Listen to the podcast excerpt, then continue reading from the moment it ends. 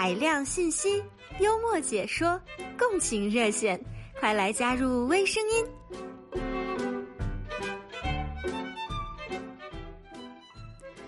听众朋友，早上好，欢迎收听周四给您带来欢乐的微声音，我是谢欣。我是刘俊杰。哎，我们现在可能就听众朋友最近发现，哎比较少了一些，可能很多人都在准备或者计划说，已经都是回祖籍国去探亲访友了，甚至有的是选择在这个时候呢，假期比较长，出去度假了哈。是的，我们这个度假的技能是越磨练越熟练了啊。就首先要具备条件，才能够有这个去磨练的机会哈。那跟大家呃，上个星期聊了旅途呢，这个星期我们要聊一些。今天一开始跟大家提到了那些科技暗戳戳让我们失去的技能。那我们今天微声音依然给大家准备了很多很欢乐的一些信息和内容。我们一边聊着天儿，一边就等听众朋友的电话。如果很多朋友还没有回来呢，我们就继续分享一些很欢乐的信息。那首先还是跟大家分享一下我们今天聊的这个话题，它的由头是哪儿来的？哎，据媒体报道呢，挪威科技大学的科学家们的研究发现呢，和这个键盘打字相比，哈，用手写字的时候呢，我们大脑不同区域之间的连接性就增加了，更加的复杂。这种改善呢。对记忆和学习都至关重要。嗯，挪威大学、挪威科技大学的研究人员呢，就针对手写还有键盘录入文字进行了很多调查。因为我们现在用手机和电脑比较多哈，俊杰。有时候我们其实很多时候我们都不用那个打字，有时候甚至是用语音打字都嫌麻烦，就是越来越简单的方法。以后将来可能通过脑电波就能够。现在 Elon Musk 不是已经有那个植入了。嗯，啊，俊杰笑了。大家可能不知道这个笑的背后的原因是什么，因为我们昨天有时候难免我们主持节目的时候它是直播，但这也是直播的魅力所在。我们有时候会就是得都大了，他有时候会就是说的不会话了，有时候很难免有口误。所以昨天伊隆马斯克这一条消息，为什么很抱歉，我差点笑场，就是因为我们当时说植入这个大脑的芯片的时候，对，它叫无线脑芯片植入人体，对。然后我读成了无脑芯片植入人对对，所以为什么我们在笑了？所以以后很有可能当时谢欣就憋不住了。哦，然后模拟了几声咳嗽，希望能够掩饰过去哈。就是有时候我们在想，这个科技给我们带来的生活越来越方便哈，俊杰从千万别把无脑芯片植入。对对对，还 还给我们原有的基础都搞没了。但是你没发现，这科技现在真的是让我们变得越来越无脑了。对，嗯，我之前看过一本科幻小说，就说最后的人类会进化成什么样子？俊杰你知道吗？嗯，就是一个像外星人的脑袋，就是你知道光秃秃的，然后大大的眼睛。然后鼻孔会很大，因为气候越来越热，你就鼻孔通过这个散热，所以鼻孔越来越大。然后关键是咱们的手，最后只剩下一个手指头各一边，因为你只需要按一个按钮就行了。那现在看来，昨天那个俊老师提到的那个无脑芯片以后，我们是不是以后就可以通过，甚至现在打字不用了，语音也不用，通过发脑电波，我就跟俊杰、跟听众朋友就交流了。以后我们俩完全可以实现躺在床上主持节目。就哎，这个要我们的耳朵还是很重要的啊，耳朵还是很重要的。哎，对，需要听一些那个图像，就是最后耳朵就进化成一个小孔了，就没有耳外耳廓，就不需要有了。嗯嗯，好，我们又说回来，刚刚讲到了，刚打字啊，手机啊，电脑键盘，然后它甚至有的有联想，对不对？比如说，我想，哎。饕餮盛宴，这个“饕”字儿怎么写？你只要拼音打它，唰唰唰，联想就给你出来了。感觉自己可能了，啥字都会写。哎，对，而且什么呀？现在就是引用一下古诗，这些你只要记住那两三个字儿，一打这一整句就给你出来了，然后就不需要我们去进行思考。所以他们现在做出这个这个呃调查呢，就说证实了一个结论，就是说选择手写而不是使用键盘，其实是能够促进学习和记忆。这个还用做个科研吗？这个科研经费不浪费吗？我觉得我早就发现这个问题了。但是你没有数据支撑嘛？人家是有数据支撑的嘛？那行，那我以后申请，如果能申请，我看我发现盐吃多了以后会喝很多的水。也通过数据来，这我有数据支撑，因为把在我们组里做一个调查，所有的人都有这个情况。植入了无脑芯片的我，决定给你发一笔巨额的科研经费。我通过脑电波接受到了哈。然后，听众朋友，我不知道您收音收音机前的您，现在还有多少时候能提起笔来写字儿？还有一些朋友可能以前真的写一手很漂亮的字，不管咱章草精草，嗯，接一下谢欣的仇。好，来。错别字，谢欣写的一手好字，现在还在坚持写。为什么呢？后面括弧省略去两没有为什么呀？虽然没有学会凡尔赛，但是 但素，我估计这个日子也不长久了哈。但写一手漂亮字，很多听众朋友可能收音机前也会写写，会写很漂亮很漂亮的字书法。但是可能现在一提到笔，因为哎，俊杰那个字儿咋写的？甚至有时候这个字儿写出来了以后，看半天，越看它越不像，越看它不像那个字儿。就我都不认识了，看看久了以后，有没有这种感觉哈？就说，哎，现在就像那个电路障碍一样，就短路了，我们就要提笔忘字儿。好，但是就像俊杰说，我们不是一个人在战斗。哎呀。但是啥呀？是，这真的是植入了无脑型 这是挪威科技大学的大脑专家研究发现，手在写字儿的时候，你大脑各个区域的连接性变得更复杂，这不是吗？你肯定要刚才你已经给了论断了嘛？对，写这个电，他们这论据就是证明了你的判断是完全准确的。对 你写电字儿，首先想一竖一横折，再一横哈竖弯钩，你肯定得大脑也建立联系，要给它发指令的。这个科研经费有点冤枉啊！好，但是他们现在就说这种记忆对学习是有益的，那不是废话吗？学习当中，如果你学了就忘，我学十个忘十个，那那那这个有时有什么用？那现在由于手机和电脑的广泛应用，曾经抄写过无数遍课文哦，以前被罚的小猫钓鱼，小你被罚过小猫钓鱼？我是我被罚过，被罚过半夜鸡叫，不是被罚过小猫钓鱼，而是什么呢？这个老师呢，为了让我们。更的更一心一意上课专心，嗯，他们就把这小猫钓鱼说啊，这个课文我们要多抄两遍，所有的同学多抄两遍，所以我到现在对这个专心专意特别有感触。哎，还是有用，看来老师对你是有用的。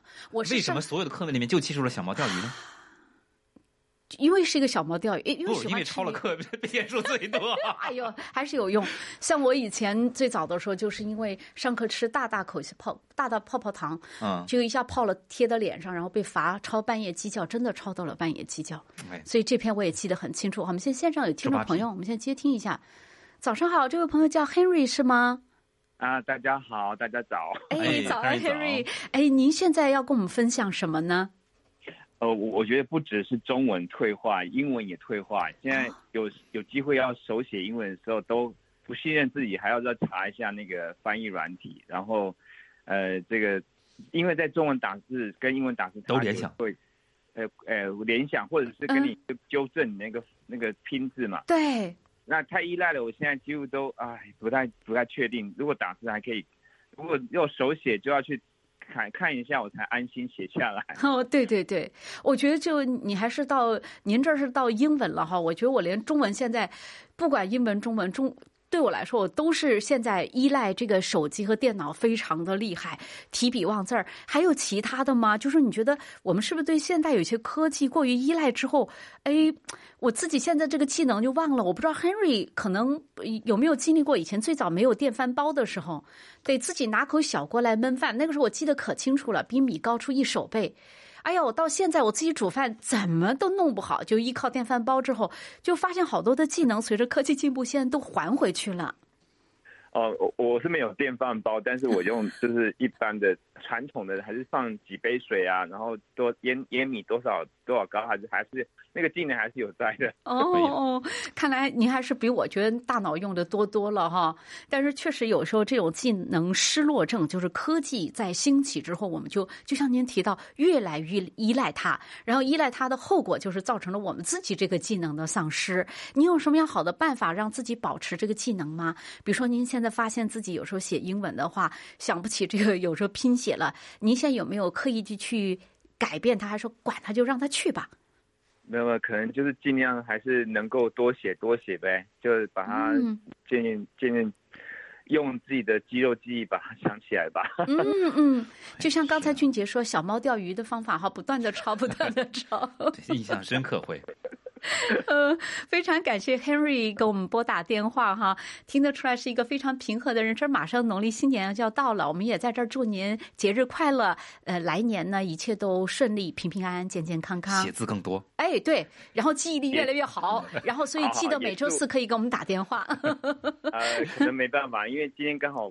休假可以，以后上班就没办法，哎，哦就是轮休，有时候偶尔碰到可以，嗯，那也没问题，听我们的播客啊。哎，对，非常谢谢 Henry，好。也谢谢你们两位，还有各位听众，大家祝大家新年快乐，啊，嗯谢谢，哎，拜拜，Henry。拜拜。哎，好，我们接下来接听一下洪先生的电话。早上好，洪先生。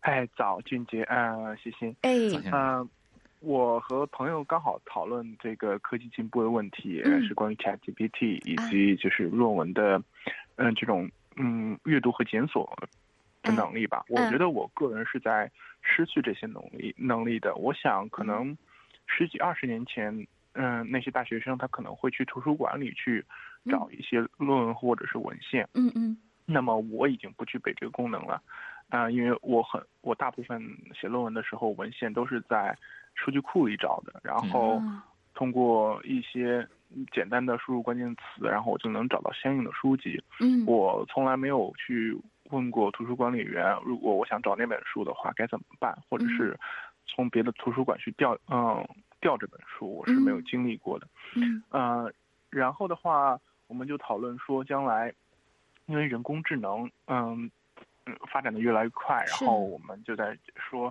以后写论文的话，ChatGPT 或许就能够，嗯，就能够帮你去筛选很多文章，然后做出来一个总结。虽然你可能最后还是会去看原本的文章，嗯，但是并没有一个海量阅读的过程。你可能他帮你筛选过后，然后你去看你几个重点的文章啊。我觉得将来的话可能会，嗯，越来越依赖科技，然后嗯。嗯，就丧失了我们自己的很多的这种学习、自主学习的这种功能哈、对，是我觉得嗯就丧失了一种就是学习的一个完整过程，它相当于是一个速成的东西。我其实并没有看到那么多的文献。嗯，你这个词儿用的特别好。嗯，完整的过程，这种感觉就有点像，本来我们应该自己去找这个。找这个食物，然后自己细嚼慢咽，消化了以后再变成我们自己的东西。但现在就说，其实他自己把自己的东西就直接给你，就感觉就有点像，比如说我们原来可能去读一些纸质的小说哈，我们看了以后呢，我们会在脑子里自己有一些图像，补充一些画面，展开我们自己的想象，然后会有我们自己的总结和思考。但是现在我们如果是看一部电影，我们直接就把它就说翻拍成一部电影，看了之后呢，我们可能现在接受的就是导演想灌输给我们的东西。大概我我就不知道我这个理解有没有错误哈，我我也有这种感觉。我也有这种感觉，而且，呃，它会衍生出一个另一个问题，就是信息茧房。嗯因为我可能会去关注我所想关注的东西。嗯以前我小的时候看电视，嗯，呃，那电视的节目播什么我就看什么。那相对来说，我可能了解的信息是比较全面的，因为呃我并不会去挑选我所喜欢的看。嗯现在这个信息时代的话，它会推荐你想看的东西，然后信息会越来越来的，你你你会越来越单一化哈越来越窄单一化，嗯，就像现在，我觉得很多小朋友啊，包括不是小朋友，包括我们自己也看一些短视频，就越来越没有耐烦心去，就像你说的那种检索的功能，然后我们失去了很多这种选择的这种自己以前懂有一个筛选一个提炼，现在都没有了。对，我觉得这个怎么说呢？我觉得可能算是一种科技进步导致我们能力的丧失吧。但是我并不觉得说我有，我需要去去抵制这件事儿。嗯我觉得嗯还是要拥抱科技的。嗯嗯呃，可能是因为我是一个年轻人的想法吧。嗯，嗯，是，但其实有时候是也思考一下这个科技发展的方向嘛。就我看有人说这个人工智能 AI，我们原本计划是，比方说他给我们呃做做饭呀、做做家务啊，做一些我们 其他的一些比较繁杂的工作，然后让我们来关注诗和远方，做一些专业的工作。现在是看看起来是他把专业的工作也替我们做了。嗯，就像刚才我觉得洪先生说的很对的，就是我们有时候这是大势所趋，我们要学会拥抱科技，看看有没有找到一个比较好的方法，就是我们能够借力哈，借助这个科技发展力，让我们自己更上一层楼。这个可能是我们接下来要思考的很多的问题。当然，您刚刚讲到你现在太忙了，没有时间去呃，就是呃不，可能刚刚讲到你都是现在都通过这个 Chat GPT 或现在有 GPT Store 了，对不对？我们可以。检索到很多我们需要的一些信息，可能您没时间去图书馆，是跟您工作太忙了，可能也有一定的关系哈。并不是说如果有时间，没准儿您可能还是想去图书馆坐一坐、看一看，感受一下那种氛围。我感觉我自己的感觉是我已经从开始就没有接触这个选项，所以我已经丧失了这个功能。对，简直不要太方便。对，嗯，然后我当我想回头去去用这种方式的时候，我其实发现，哎，我其实并不会，而且我发现，嗯，有的时候我回头去看一些老的方法，我发现不太适合自己。有的时候一些嗯年长的人回头去看我们现在当代人的方法，他们也会有很多不适应的地方。比如说一些老人，他可能不会用手机，不会用移动支付，嗯，不会用 app，然后这样的话会导致他们生活很不方便，就感觉像被时代抛弃一样。嗯嗯嗯嗯，但是我我洪先生，我觉得任何事情它都像双刃剑哈。科技可能让我们丧失了一部分所谓的我们觉得技能，或者是砍掉了当中的一些过程，但是有可能它事情的一个效率就提高。就现代社会，我们叫现代工业文明，它讲的是一个效率，所以什么东西我们都要把它一分为二的来看。非常感谢您哈，能够用这么好的平和的心态来看待事态的发展，也感谢您一直关注我们的节目，非常感谢您。好，谢谢。哎，谢谢，新年快乐哎，新新年快乐，年快乐洪先生，谢谢。好，那我们接下来接听这位是陈女士的电话。早上好，陈女士。哎，早上好，主持人。哎，早上好，您请讲。